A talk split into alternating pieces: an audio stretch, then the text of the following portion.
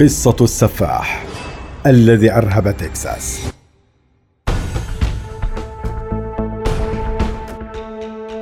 إديت جين واحدا من أبرز الشخصيات على مر التاريخ الذي تم اعتماد جرائمه في أفلام الرعب الأمريكية.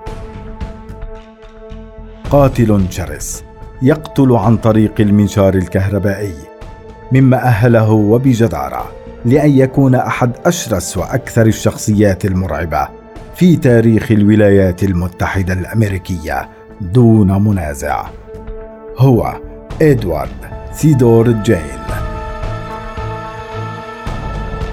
ولد في السابع والعشرين من أغسطس عام 1906 في ولاية تكساس الأمريكية.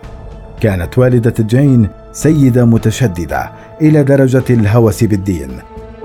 أما والده فقد كان مضمون كحول ودائما غير متواجد في المنزل. كان اد دائم الخلاف مع أخيه فقرر قتله. لكن لم تثبت التهمة عليه بسبب ضعف الأدلة وكانت الأم تدربه على كره النساء وتزرع بداخله أن جميع النساء خائنات. وهو ما جعله يكره الجنس اللطيف ويختارهن كضحايا له. الأمر بدأ كهواية حتى تحول إلى وظيفة يمتهنها. كان آد دائما ما يختار ضحاياه من بين الفتيات والشبان الهيبيز وغالبا ما يكون أكبر منه في السن. وكان أيضا ينتقي من يطلق عليهن ساقطات.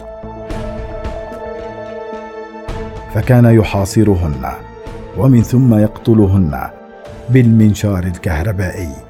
يقطع الرأس بالمنشار وبعدها يقطع أعضاءهم التناسلية. كان يفصل جلد الوجه وفروة الرأس عن جماجم ضحاياه. ويرتديهم كقناع بشري.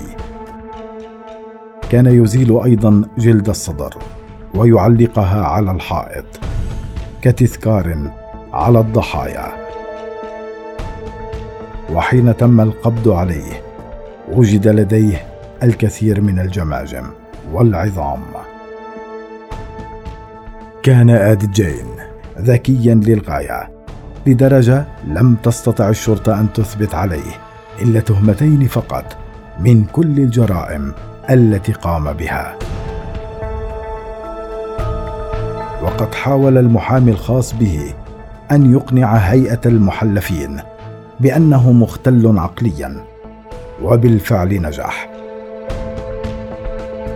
ووضع آد جين في مصح لأصحاب الأمراض النفسية الخطيرة.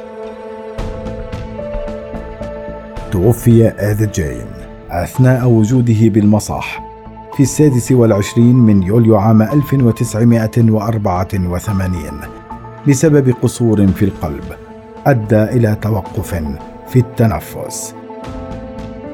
وأسدل الستار على أبشع مجرم سفاح تكساس الذي هز المجتمع الأمريكي في تلك الوقت.